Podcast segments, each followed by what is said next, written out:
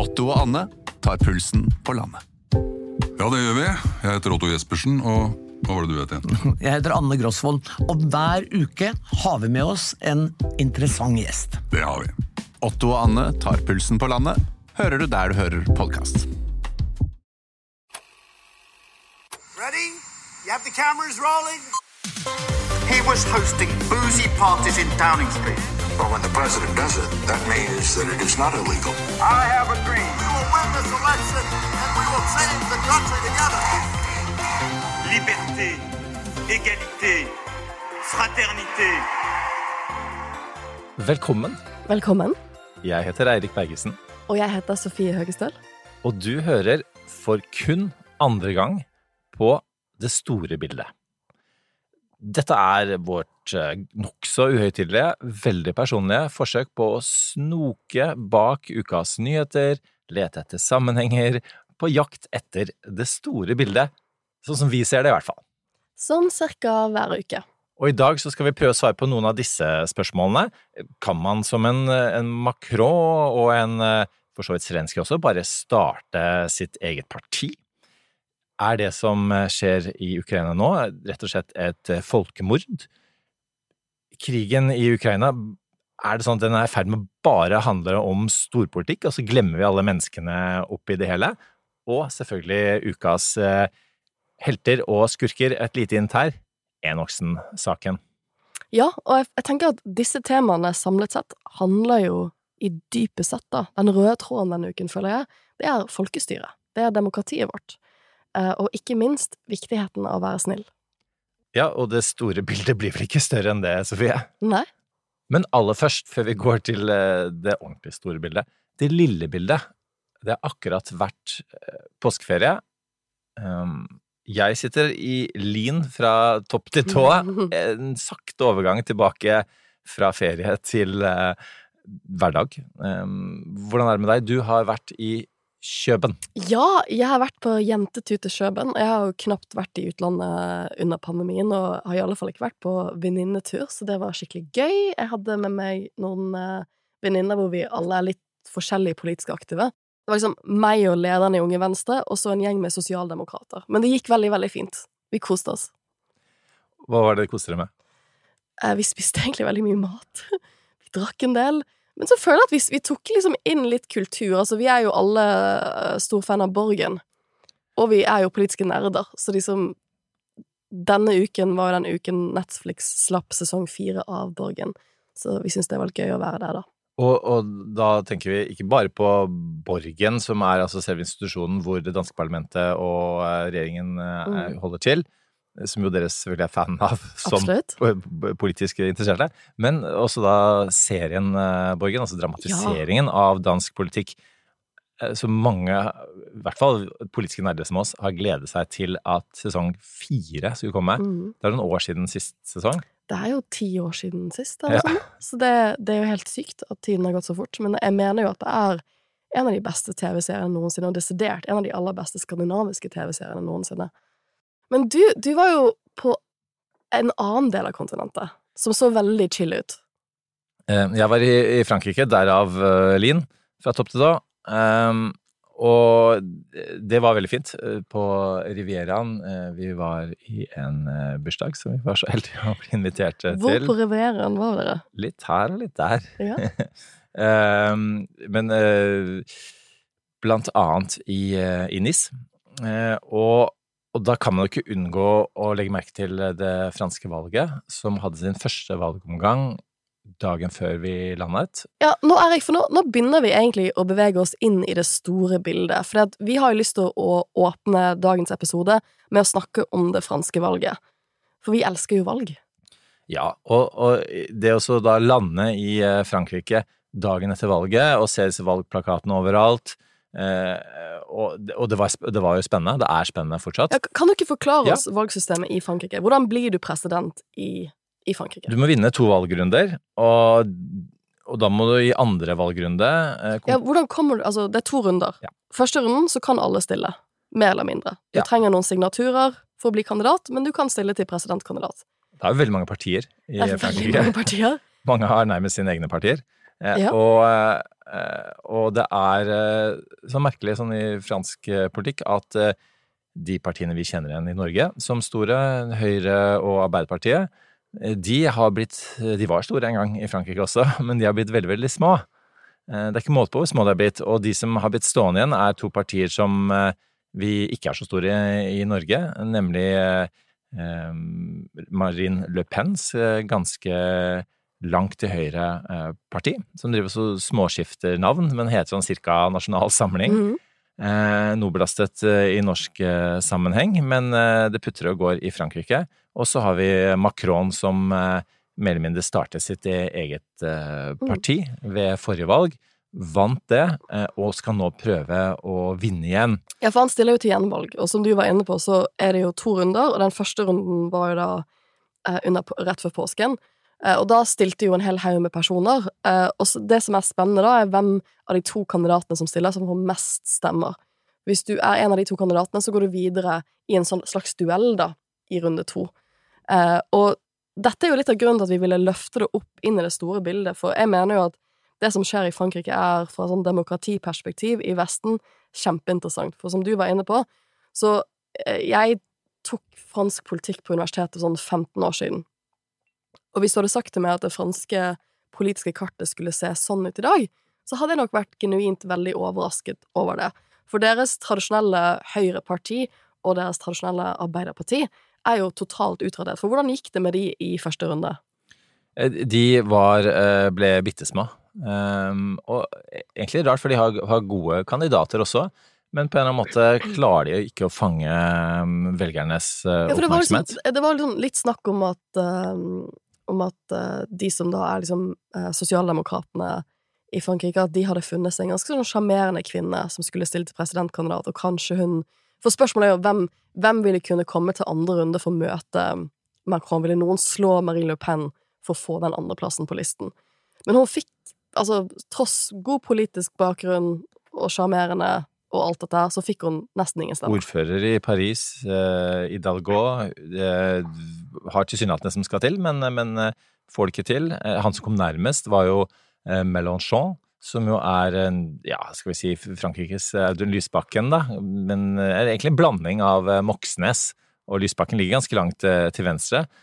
Noen trodde at han skulle klare å slå eh, Marine Le Pen, eh, som jo da ligger til eh, ganske langt til høyre for, for alt eh, i Norge. Eh, men, eh, men det klarte han ikke. Så nå står det mellom Macron og Le Pen. Og det som mange tenker kanskje at ja, Macron burde ha vunnet mer, men vi må minne om at altså, franskmenn liker ikke presidentene sine så veldig godt, så hvis han vinner nå andre gangen, så, så vil det bare være, vil være første gang på 20 år eh, at en eh, president eh, blir gjenvalgt, rett og slett. Det syns jeg er ganske sinnssykt. At franskmennene franskmenn de kaster presidentene sine i hytt og pine i moderne tid, iallfall. Og eh, han, eh, han har ikke gjort det så verst, for han har fått 4% mer enn han gjorde i 2017, da han vant første gangen. Eh, og han, det, også, det er også den største oppslutningen siden 1988. Eh, sånn, eh, eh, men det som er litt interessant, da, jeg tenkte jeg skulle spørre deg om, Sofie, for du er jo sosialliberal. Det betyr at du er sånn cirka i midten. Mm. Um, og Av norsk politikk, ja. norsk, Eller ja, politikk generelt, kanskje. I Vesten. Ja. i hvert fall i Europa. Nok. Eh, fordi eh, det som skjedde i Frankrike, var jo rett og slett at Macron, som da hadde vært finansminister hos i, sosialistene, vært, vært rådgiver eh, Ja, for han har en interessant politisk karriere. president Hollande også. Han kommer liksom opp under president Hollands regjering. Mm. Eh, blir finansminister, som er en utrolig viktig post. Ung og lovende. Der må han jo ha vært i begynnelsen av 30-årene da han var finansminister. Og mange vil jo tro at da fortsetter du å posisjonere deg i det partiet du har brukt masse tid på å posisjonere deg i. Men det er ikke det unge Macron gjør. Hva gjør unge Macron? Altså, han lager sitt eget parti, og så bare tar han midten.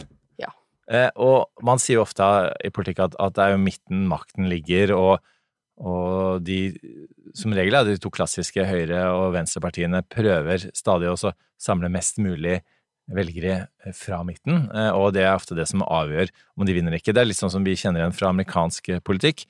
Men Macron han bare stjeler hele midten. Eh, og, og for deg som sosialliberal, sånn cirka i midten, det må jo være en litt sånn politisk drøm? Altså, vi var kjempeinspirert over han. Nå har jo ikke Venstre greid å gjøre det samme. Uh, vi er jo uh, Venstre er jo Norges eldste parti, uh, så vi har jo ikke helt den samme um, samme bakgrunn som det han har, men det var jo ingen Altså, jeg, når, første gang jeg leste om at han skulle starte sitt eget parti, så tenkte jeg at dette kommer aldri til å funke. Men det funker jo litt på grunn av den franske valgordningen, hvor du kan starte ditt eget parti og stille til valg, og hvis du da får nest mest eller mest stemmer, så går du videre til runde to. Og da er jo sjansene veldig åpne. Så det, det, er jo kanskje en valgordning som gjør det lettere å bryte gjennom og bli president fra et, fra et sånn tredjeparti, eller fra et nystet parti. Men det som jeg syns er litt spennende, at Macron han minner meg jo på noen måter litt om Trump. Ja, og da eh, tror jeg vi trenger en liten jingle. For da har vi kommet til ukas Trump Watch. Quiet, quiet, quiet. You are a rude, terrible person. Jammen klarte vi ikke å lure inn eh, Trump eh, denne gangen også, eh, og nå er jeg veldig spent, Sofie. På hvilken måte ligner Frankrikes president Emmanuel Macron på, som noen mange kanskje vil mene, er hans, var hans erkefiende Donald Trump? For de er begge disruptors. De har gått inn i sitt politiske landskap og rett og slett endret det. Um, Macron har gjort det ved å hoppe fra et tradisjonelt parti til å stifte sitt eget parti, og som du sier, bare ta sentrum. Og kanskje nå bli den første altså franske president til å bli gjenvalgt på 20 år. Intet mindre. Det er ganske stort.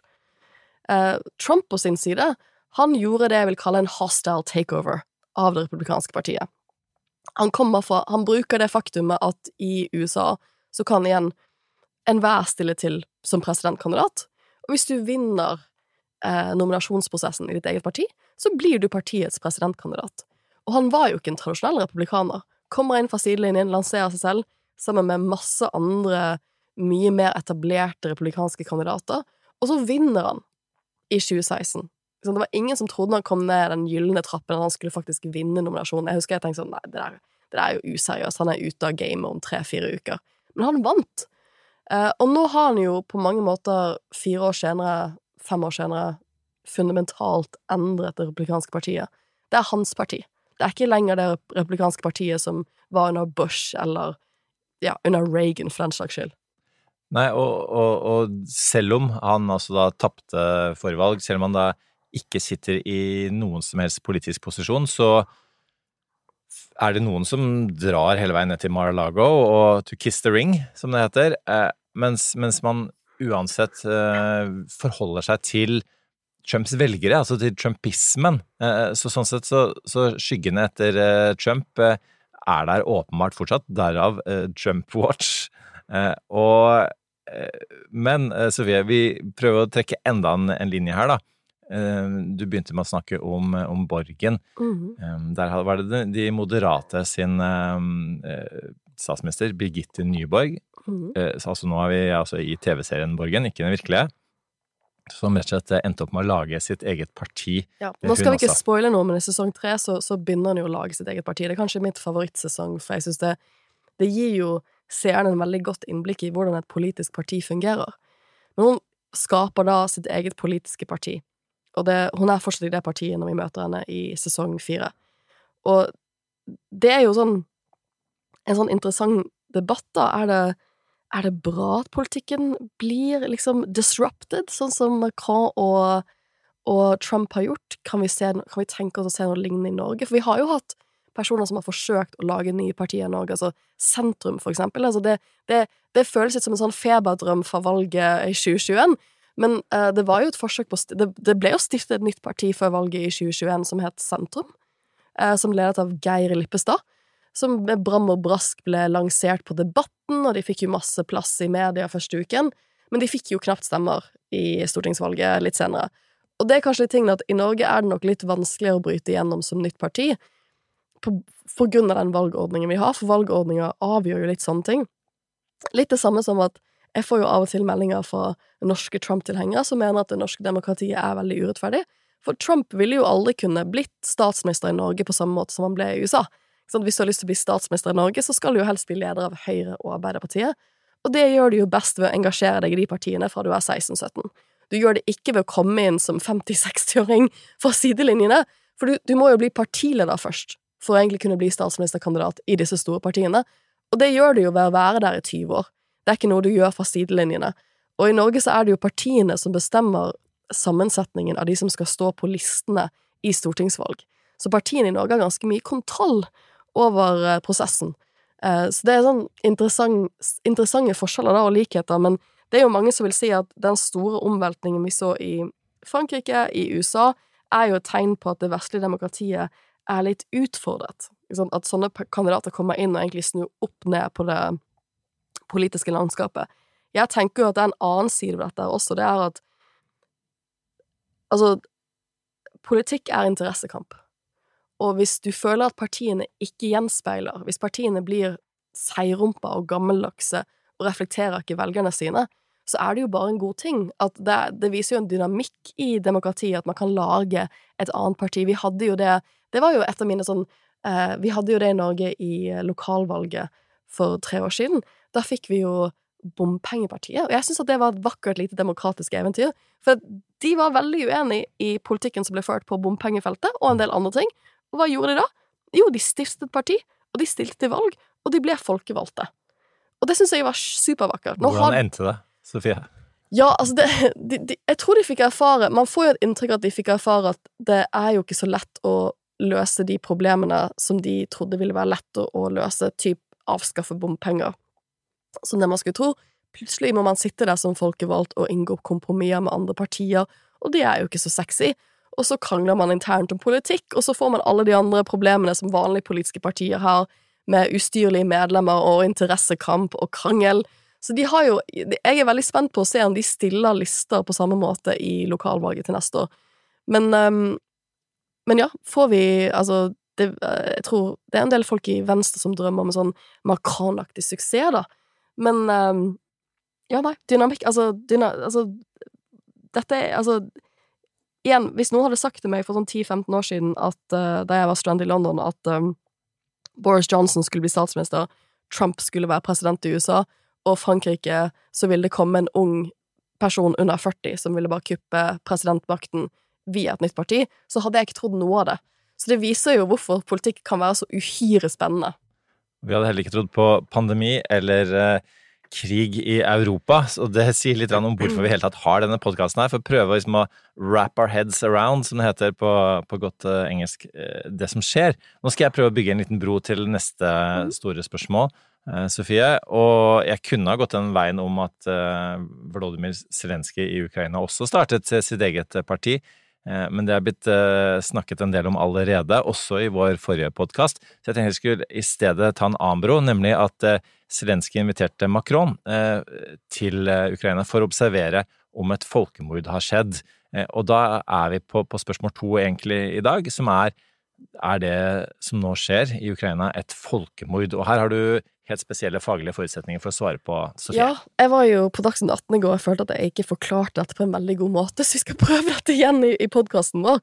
Um, for jeg tror at det er ganske mange som tenker at folkemord er massedrap. Alle massedrap er en form for folkemord. Og det skjønner jeg at folk tror, for det ligger litt i navnet folkemord. Du dreper masse mennesker.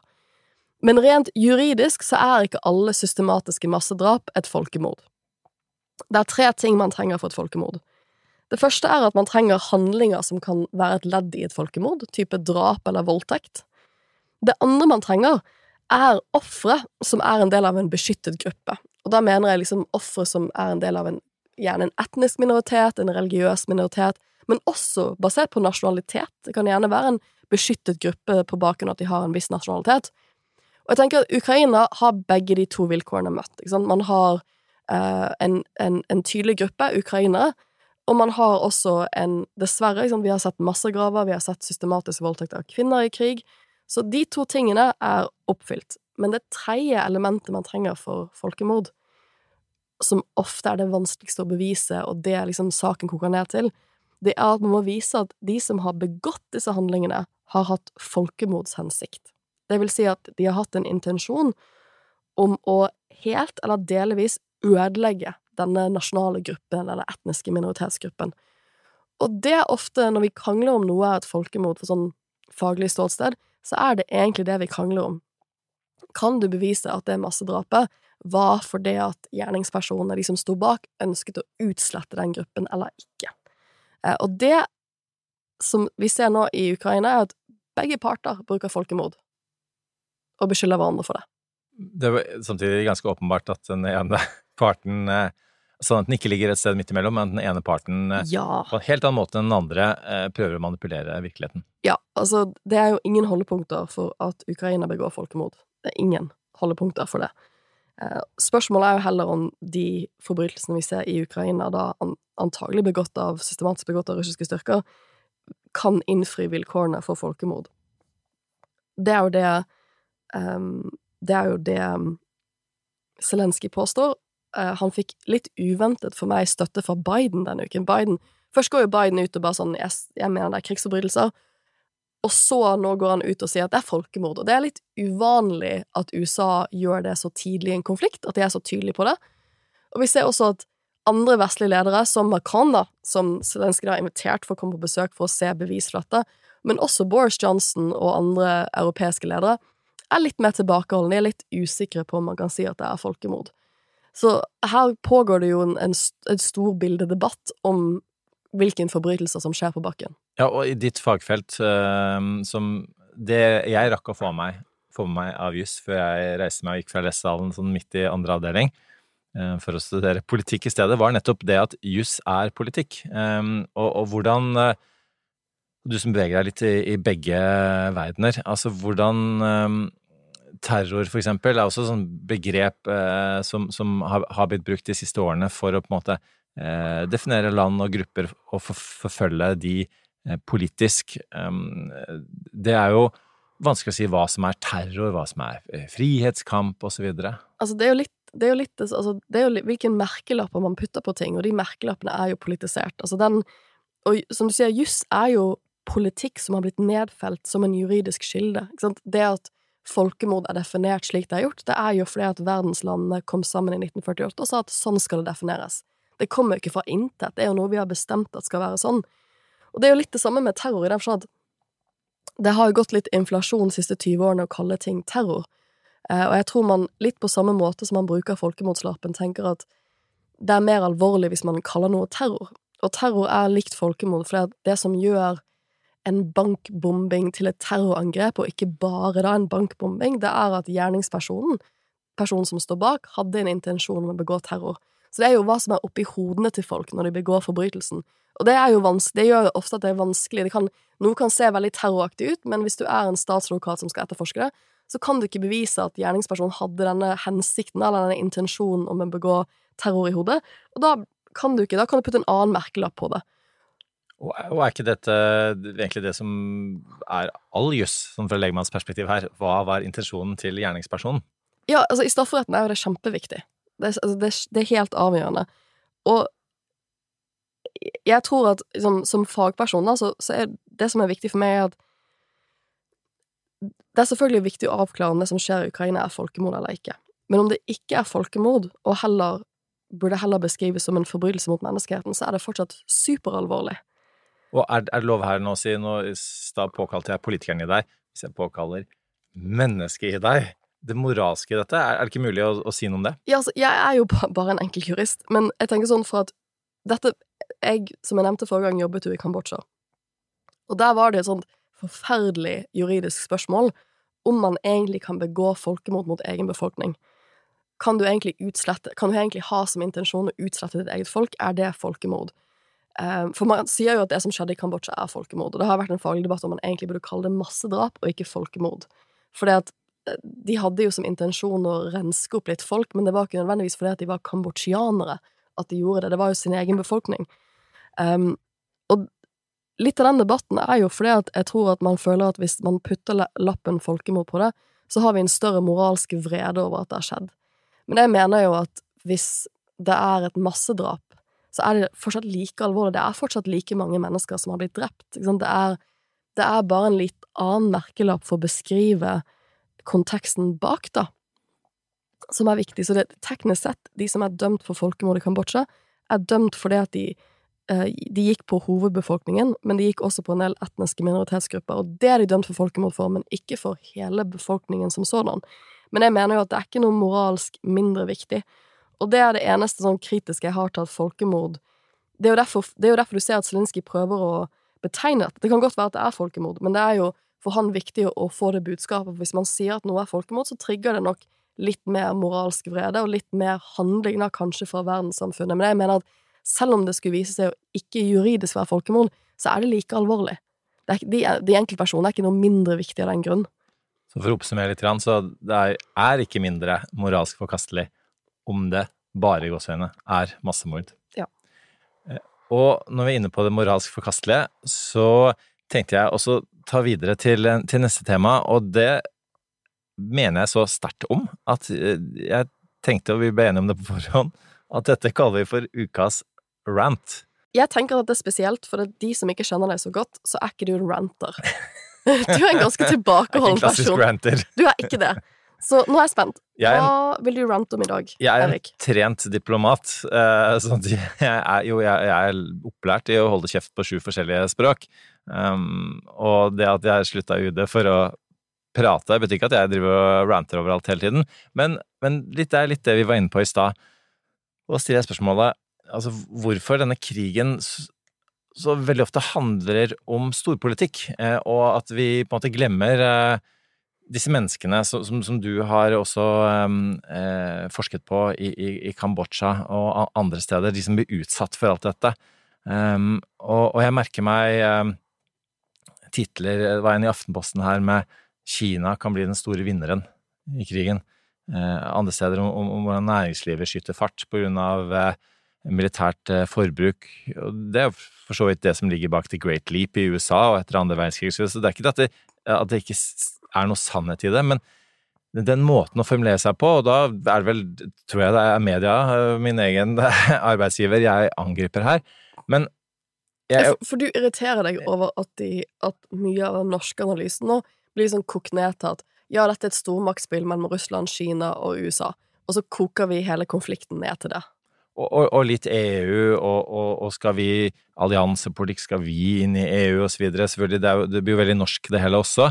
Og så, og så igjen glemmer man at, at krig er mennesker som, som eh, dreper mennesker, og mennesker som også hjelper mennesker. Og jeg tenkte også eh, nevne et, eh, en, eh, liten anekdote, en historie eh, fra, fra da jeg var eh, diplomat og jobbet på EU-delegasjonen i Brussel. Og da jobbet jeg mye med Balkan, og da skulle Kosovo bli uavhengig. Og så hadde vi en gruppe fra krigsskolen på, på besøk. Store soldater, studenter der. Eh, Som, eh, som jo var unge og skulle ut i verden, blant annet på, på Balkan. Eh, Og så fortalte jeg om det som var i ferd med å skje i Kosovo, og stormaktsspillet, og hvor USA gjorde dette fordi at Russland gjorde dette under Balkankrigen, og så kommer EU inn der og Nato her, og så videre. Og så mm, såre fornøyd med min stormaktsanalyse helt til pausen, hvor det var en ganske ung kvinnelig psykolog som jobbet på krigsskolen, som var med, med gruppen, som, eh, som kom bort til meg og så, og så sier at eh, du, det var eh, fint eh, forklart og så videre, men eh, det er én ting du må være klar over, og det er at disse her, de, de skal, skal ut i krigen, de. De skal, de skal, de skal eh, En ting er at man, de også kommer til å måtte drepe folk, men de skal unngå at folk blir drept, og de skal hjelpe folk, eh, og de skal jobbe med folk. Um, eh, og de, eh, de trenger eh, at, eh, å høre at politikk er mer enn bare dette stormaktsspillet. Um, og, og det gikk veldig inn på meg. Jeg bare sånn eh, jeg fikk en sånn, sånn sånn eureka-greie som man kan få som, som byråkrat, da. Man jobber med de, det store bildet, de store sammenhengene, de store strukturene, ikke minst, og, og glemmer alle menneskene eh, innimellom, bak og, og overalt. Eh, og, eh, og, og jeg er litt sånn derre Og ofte kan man som historiker også og igjen da, på Balkan, altså vi må tilbake til slaget på Kosovo-Polje i 1389 for å forstå noe av dette her.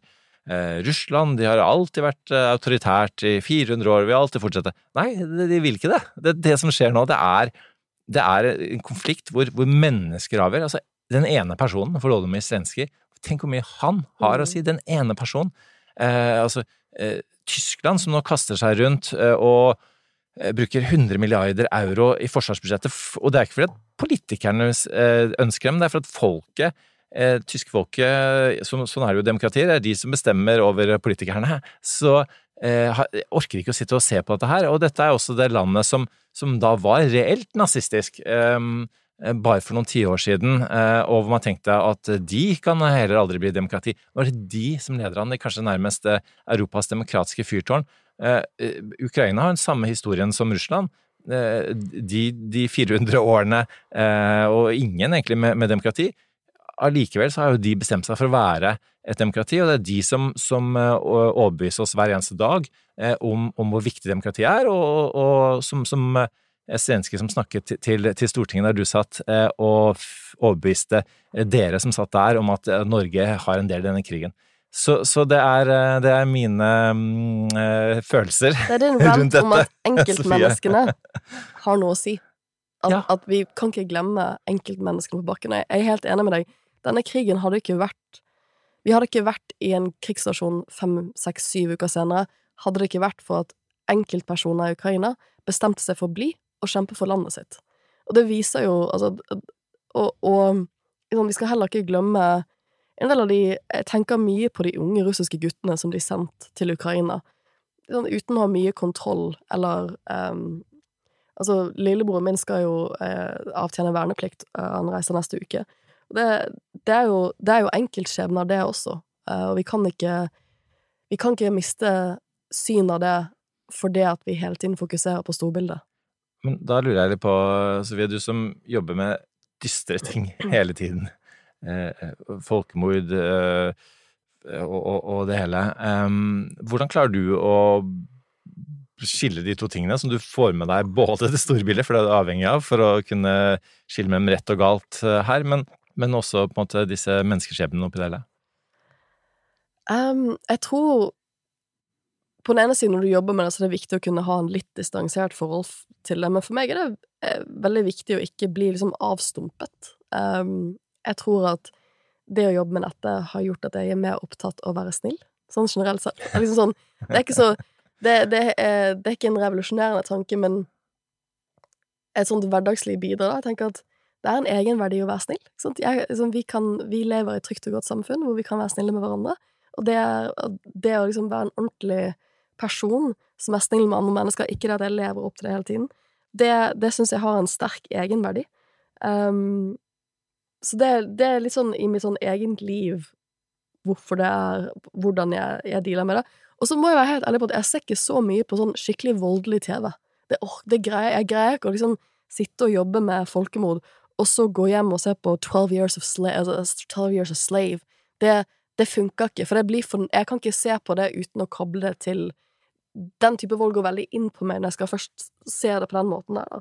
Men det er jo altså, Men det er jo det som fascinerer meg med krig også. Det er jo enkeltpersoner som greier å finne og skape glede og håp i en sånn situasjon. Det syns jeg er ganske inspirerende. Jeg tenker sånn, Hvis de greier det, da skal i alle fall jeg greie altså prøve å være en snill, positiv person her i Norge, når jeg har alle forutsetningene for å gjøre det. Og, kanskje er dette den politiske plattformen for ditt eh, kommende eh, Sofie Høgestøl-parti? Eh, Vær vær snill med hverandre. Eller kanskje er det ikke det demokratiet er, altså enkeltpersoner som, som, som opp, blir oppbrakt over noe og setter i gang og prøver å påvirke systemet. Og jeg, jeg jobbet faktisk med Carl I. Hagen, eh, av alle, ett år i konsulentbransjen. Vi kom og gikk samtidig i børsen Marsteller, og var ikke helt for oss. eh, men jeg husker han fortalte oss om hvordan sånn, ja, da han begynte i FrB, så var det stort sett folk som bare de mente ikke så veldig mye om, om verken innvandring eller eh, økonomisk politikk, men de var kjempeforbanna av at de ikke fikk bygge garasjen sin så stor som de ville, og så gjorde de noe med det. Eh, Og det er litt av det fine med demokratiet òg.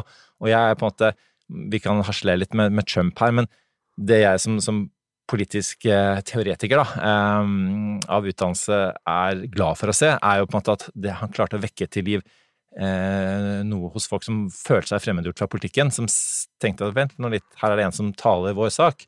Og tilsynelatende, jeg setter det i gåseøynene med to streker under, eh, hadde de løsningene de var ute etter. Så tror jeg noe av grunnen til at han tapte valget, var at de løsningene ikke funket. Men det at, at folk eh, s- identifiserer eh, politikk, det å stemme, det å demonstrere, det å delta, eh, som, som noe som har noe for seg, eh, det er noe som gjør meg glad, og det, er, det tror jeg nå dette den krigen eh, viser, at det er fullt mulig. Det er fullt mulig, og så tror jeg altså det er, av, det er jo den magiske limen bak det norske demokratiet og vårt samfunn, er den tilliten vi har til hverandre. Og det mener jeg også bunner ned i en sånn at vi ønsker hverandre vel, da. Det er en snillhet bak det. Snillhet er stikkordet, og da skal vi over til spalten Skurker og helter. I not a hero. Well, I'm not a crook. Ukas eh, skurk, eh, Sofie, det var en sak som dukket opp rett før påske, men ikke helt borte, iallfall ikke i ditt uh, sinn. Nei, altså nå blir jeg litt rentete, men uh, uh, Og mediebildet beveger seg så fort, men vi skal jo snakke om de store tingene, og jeg, jeg føler at vi må snakke litt om Enoksen-saken. Ikke det at han Jeg vil ikke henge han personlig ut, da, men det sakskomplekset rundt Enok-saken, altså metoo, um, hvordan maktforhold i politikken, det kan gjøre meg litt rentete, for det var jo rett før påske. Og han er vel litt skurkete. Ja. Uh, rett før påske så, så um, fikk jo stakkars regjeringen servert nok en vanskelig sak. Uh, når det på lørdagen før påskeuken begynte, ble klart at Enoksen Det kom et stort intervju som sikkert alle har lest i VG, hvor det ble klart at Enoksen hadde eh, innrømmet å ha vært en slags seksuell mentor til en tenåring som han har møtt på et skolebesøk til Stortinget da han var statsråd sist. Og det som fascinerte meg med den saken, er jo for det første at jeg er jo på samme alder med denne kvinnen. Jeg var jo på videregående rundt den tiden under forrige rød-grønn regjering. Um, og det var liksom sånn, på noen måte sånn uh, you know, Det var sånn tilbakekall til hvordan ting var ja, for 15-20 år siden, da. Uh, og at ja, nei, det var jo kanskje ikke så gøy å være ung kvinne i politikken uh, til enhver tid på det tidspunktet der. Um, han valgte Eller det, det, er jo flere aspekter ved den saken. Jeg tror, når jeg leste intervjuet på lørdagen, så kunne jeg For han, han gikk jo av etter intervjuet kom ut. Altså, jeg leste intervjuet, så gikk han av en halvtime senere, noe sånt. Og det jeg ikke skjønner, bare sånn det, Der tenker jeg at der har han dårlig rådgiver rundt seg, for jeg skjønner bare ikke at han ikke gikk av før dette breaka på lørdagen. For regjeringen møter jo hver fredag og har kongen i statsråd, og da kunne han ha valgt å gå av som statsråd allerede på fredagen for å spare regjeringen den runden der. Og for å spare offentligheten en detaljert forklaring i hva seksuell mentor for en tenåring betyr når du er noen og 50 og partileder og statsråd. Nå måtte du opp til ansiktet med hendene dine, ja, Sofie. Ja. Uh, ja. For, for, jeg tenker sånn, det er jo ikke sånn at jeg har heldigvis ikke noe personlig erfaring med sånn grave, sånn skandalegravepresse sjøl, uh, men det er jo ikke slik at VG begynte å skrive på denne saken på fredagen. Sånn, VG er en ordentlig avis. Hvis de først setter sine gravejournalister på noe sånt de, når, de, når, denne kvinnen først tar kontakt med dem, og jeg mener hun er litt ukens helt, da, og det å velge å gå ut på denne måten her og utlevere dagbøkene sine og snakke om noe som er, må være ekstremt vanskelig å snakke om i offentligheten, det krever mye mot. Men hun tar kontakt med dem, de begynner å jobbe med saken, og de må jo verifisere dette. Så det, det, det, det, er bare ingen realiteter hvor han blir ringt opp først på fredagen og får beskjed om at vi jobber med denne saken. Jeg antar at de ringte han tidligere i uken. Og det at man da ikke har selvinnsikt nok til å tenke at vet du hva, denne saken her, det, dette her burde jeg ikke gjort. Jeg går nå av som, som, statsråd fredagen før påske, sånn at jeg sparer regjeringen for alle disse rundene. Og det, en, og det ender jo opp med at han går av på lørdagen allikevel. Men jeg tror litt av grunnen til at jeg ranter om det, er at um, hvis vi går tilbake til det denne episoden har handlet om, da, liksom politiske partier og demokratiet vårt, så handler det jo om hvordan man rekrutterer, og hva som gir partiene våre legitimitet. For at partiene våre skal funke, så må det være mulig for vanlige folk å gå inn i politikken og bli godt ivaretatt og komme seg opp og frem. Og denne unge kvinnen ønsket jo, var jo interessert i politikk, hun studerte hun begynte å studere statsvitenskap, var jo nysgjerrig på politikken. Og jeg tenker på, hvor mange talenter har man ikke mistet fra politikken på grunn av enten sånne metoo-saker, men også sånn utfrysing, mobbing, litt sånn andre type sakskomplekser, da, hvor folk har misbrukt den maktposisjonen de har i et parti, eh, eller de har gjennom folkevalgte verv, for å skvise ut andre yngre talenter. Og hvis man har den type kultur over tid, så får man ikke de beste folkene på Stortinget. Så det, det, er, liksom, det er et demokratisk problem at det har vært sånne type kulturer det, men det er, jo, det er, jo, da Det er jo en god ting at jeg tror at vi har et helt det var et unisont, relativt unisont bilde på den lørdagen at dette her er ikke greit. Ikke minst fordi at jeg tror der han gikk skikkelig skeis, det var at han tok henne med på jobb. Det er klart at Hvis du begynner å ta en sånn seksuell relasjon inn på jobb, og, og ta henne med i statsrådbiler, da er det ikke lenger et privat anliggende. For jeg er jo veldig for at vi i Norge ikke driver med løft, dyneløfting. Ikke er Liberalist. Ja, ja, ikke sant? Hvem, hva, hvem statsråder ligger med på fritiden, har jeg ingenting med, har ikke lyst til å vite om det. Men det er klart at når du først Når du, når du bruker Når det kan nærmest virke som du bruker statsrådsstillingen til å groome en mye yngre person, så er det selvfølgelig av offentlig interesse for om du kan ha en sånn stilling eller ikke.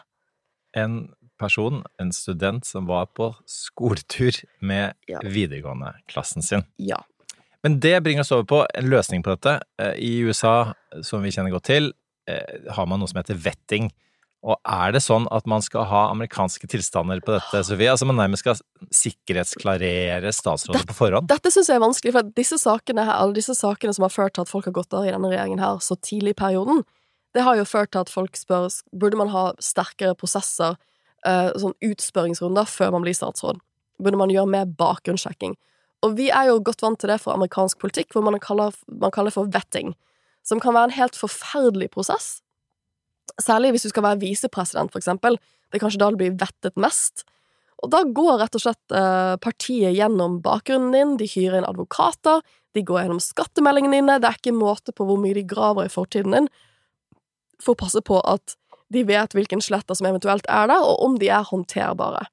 Det har vi ikke noe tradisjon for å gjøre i Norge. Det er litt sånn det er litt søtt at vi i Norge har hatt egentlig sånn prosessen der at man har en, en slags intervju da, med statsministerens kontor før man blir statsråd, hvor de liksom stiller det en del spørsmål, da.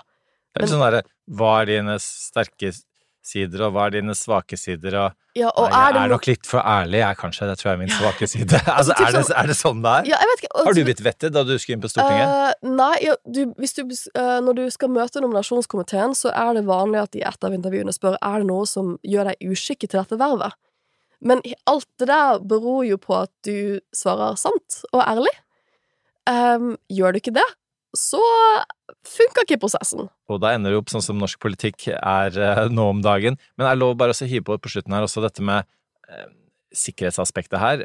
Med den saken som da lenge var en hemmelighet, hvis det var sånn at russerne kjente til den hemmeligheten, så kunne jo de potensielt ha brukt det for å presse Norges forsvarsminister, et land som grenser til Russland. Det er så alvorlig. Det er jo derfor dette er alvorlig for akkurat den posisjonen der i en krigssituasjon. Men det, det er jo ikke noe Dette er jo vanskelig, vi, vi er jo opptatt av dilemmaene her, og dilemmaene er jo selvfølgelig at hvis du skal begynne å kreve hard sikkerhetsklarering for folk, så snever det jo inn rommet for hvem vi kan ha som øverste folkevalgte. Og det er jo noen som vil si at det er litt udemokratisk, ikke sant, at hvis du har lyst til å Hvis folk har lyst til å stemme inn en seriekriminell som partileder på Stortinget, så skal de få lov til å gjøre det. Det kreves ikke sikkerhetsklarering for å sitte på Stortinget. Vi må signere, eller jeg måtte signere en taushetserklæring. Eh, men det krever, det krever Hvis du er folkevalgt, så er du valgt av folket, ikke sant? Uavhengig om du er en seriemorder, da, satt litt på spissen. Um, Satt veldig på spissen. satt veldig på spissen. Men det er litt det samme at, at Seriefolkemorder. ja altså, litt for på spissen. Men i teorien, da, det er folket som skal velge deg inn, og det samme på statsrådsposten. Altså, hvis folket ønsker en statsråd som kanskje har en litt sånn en bakgrunn som gjør at de ikke hadde fått sikkerhetsklarering, skal man virkelig overkjøre folket ved å ikke utnevne dem. Så her er det noen åpenbare dilemmaer, men at, eh, at man kommer til å se på denne prosessen litt mer fremover, uten at vi kanskje får helt amerikanske tilstander, det tror jeg kanskje er klokt. Og med det fikk vi både ukas helt og ukas skurk, og da skal vi avslutte hele med ukas anbefaling. Eh, Og Sofie, hva er det av TV, pod, film, bok du anbefaler denne uka? Ja, altså, jeg hadde jo Altså, jeg, altså Borgen, selvfølgelig, er det åpenbare svaret. Eh, og jeg hadde egentlig tenkt til å, å nevne en, um, en podkastserie jeg hører på, men litt i lys av du spurte sånn hvordan, hvordan bevarer man sin um, menneskelighet i møte når man, når man bruker så mye av tiden sin på, på krig eh, og forbrytelser? Og en, en av mine absolutt favoritting, det er en YouTube-kanal som heter Yoga with Adrian. Og jeg gjør hennes yogavideoer eh, særlig når jeg er stresset. Hun er et fantastisk snilt menneske. Jeg har lyst til å være henne. Hun bare oser godhet.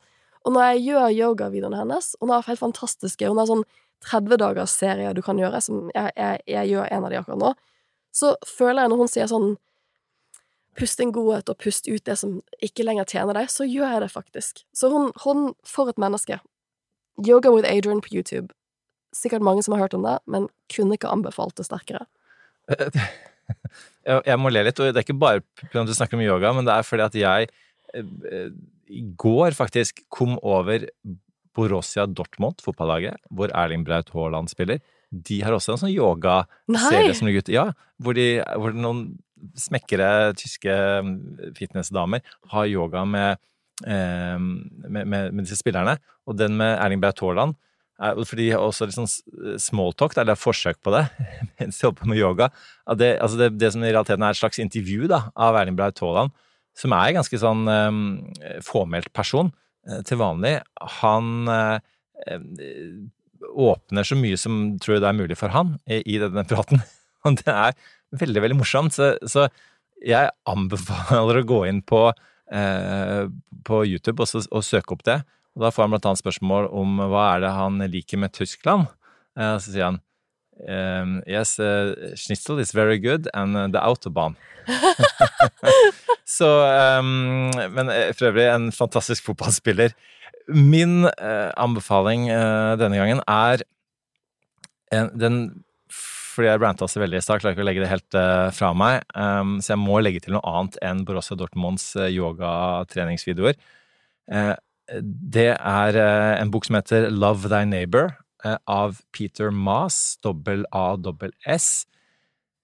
Som, som, er den beste boken jeg har lest av krigsjournalistikk. Den kom litt ut i krigen på, på Balkan, og han var en såkalt stringer. Altså han holdt til nede i Mellom-Europa et sted, og, og blei da eh, sendt for å, for å skrive for Washington Post i, eh, i Bosnia. Eh, og, og, uten å vite noe av bakgrunnen for det som skjer der nede. Og det, som, og det er nettopp styrken i boka. At han bare begynner med å si at liksom som jeg var inne på i stad, at du trenger faktisk ikke all verdens bakgrunn for å forstå, eller prøve å forstå, da. For å forstå får man ikke, helt uansett. Hvordan eh, naboer, altså en, en, person som kanskje har lånt gressklipperen eh, av naboen sin eh, året før, dreper og kanskje naboen sin, og kanskje med voldtar kona året etter. for da, da, er det noe menneskelig som, som måtte um, vekkes i folk. Et slags sånn dyr, er det han kaller, kaller det for. Som, som man, man, Jeg tror ikke man må være statsviter eller ha doktorgraden i juss, Sofie, for å forstå. Uh, og, og, det er litt det krig uh, handler om. Uh, og, og en, en, fantastisk bok, og, og der er, blir han ganske rasende etter hvert på, på, det som En krig som pågår veldig mange år, hvor, hvor folk som, som da jeg den gangen da, Eh, som diplomat eh, sier på den ene siden, på den andre siden hvem er egentlig aggressoren, nå må vi ha samtaler, nå må vi forhandle, og så, så fortsetter eh, krigen. Denne gangen tror jeg vi trygt kan si at man har vært flinkere til å henge bjella på, på sauen, og er det det heter? Eller er det halen på grisen? Aner ikke. Et eller annet der. Vi er veldig dårlige på dyr. Vi er kjempedårlige på dyr. Det har Kunnskapsprogrammet Alle mot alle på TV Norge avslørt. Um, men um, altså vi, vi er, er, flinkere med, med, å se hvem som er ja, helten av skurkene, sånn som vi holder på med her, da, uh, denne gangen. Og, og kraften i, i, det, i, politikken her er at, at, man har klart å samle seg da, uh, i Europa. Men, men, den boka er en påminnelse påminnelse om igjen eh, det brutale i krig, eh, og hvor viktig det er at, at politikerne og disse organisasjonene som omgir oss, eh, tar utgangspunkt i det, og ikke i stormaktsspillet, ikke i hva disse organisasjonene, disse landene, er best tjent med. Der tok jeg den lettsindige yogaen din veldig ned på jorda, Sofie. Beklager det. Så for å prøve å lette litt på stemningen, da, helt til slutt det er noe som heter Dans som om ingen ser på, Elsk som om du aldri har blitt såret, og Pod som om ingen hører på. Det var litt det vi tenkte forrige uke, eh, nå er det litt mer på alvor. Eh, så veldig hyggelig at du akkurat nå har hørt på oss. Fortsett veldig gjerne med det, og tips andre du tenker har eh, samme interesser som, som vi har. Det er ganske allmenne interesser. Krig og fred og Ja. politikk og sånn. Um, og eh, så høres vi igjen sånn eh, cirka om en uke. Det gjør vi. Du har hørt på Det store bildet med Eirik Bergersen. Og Sofie Høgestad. That's enough. Put down the mic. Er det noen som har hørt noen ting som helst om faktura 100374? Venter fortsatt på innbetaling fra 10.03.30, og en hel haug andre som er langt over forfall. Ja, men eh, De pengene de må inn på konto nå! Vi skal jo investere nytt utstyr! Vent litt og pust med magen. Med Amili, en ny helhetlig løsning fra Visma, får du alt du trenger for raskere betaling og rom for å gjøre de investeringene som trengs. Og det beste av alt, du kan bruke tiden mer verdifullt. Se hvordan på amili.no. Kronemarked hos Bar. Nå har vi en mengde varer til 10 og 20 kroner. Hele denne uka får du løbiff fra Folkets før 54,90, nå kun 20 kroner. I tillegg får du et utvalgt Vasa knekkebrød, før fra 16,90, nå bare 10 kroner. Alltid tilbud på noe godt. Hilsen oss i Spar.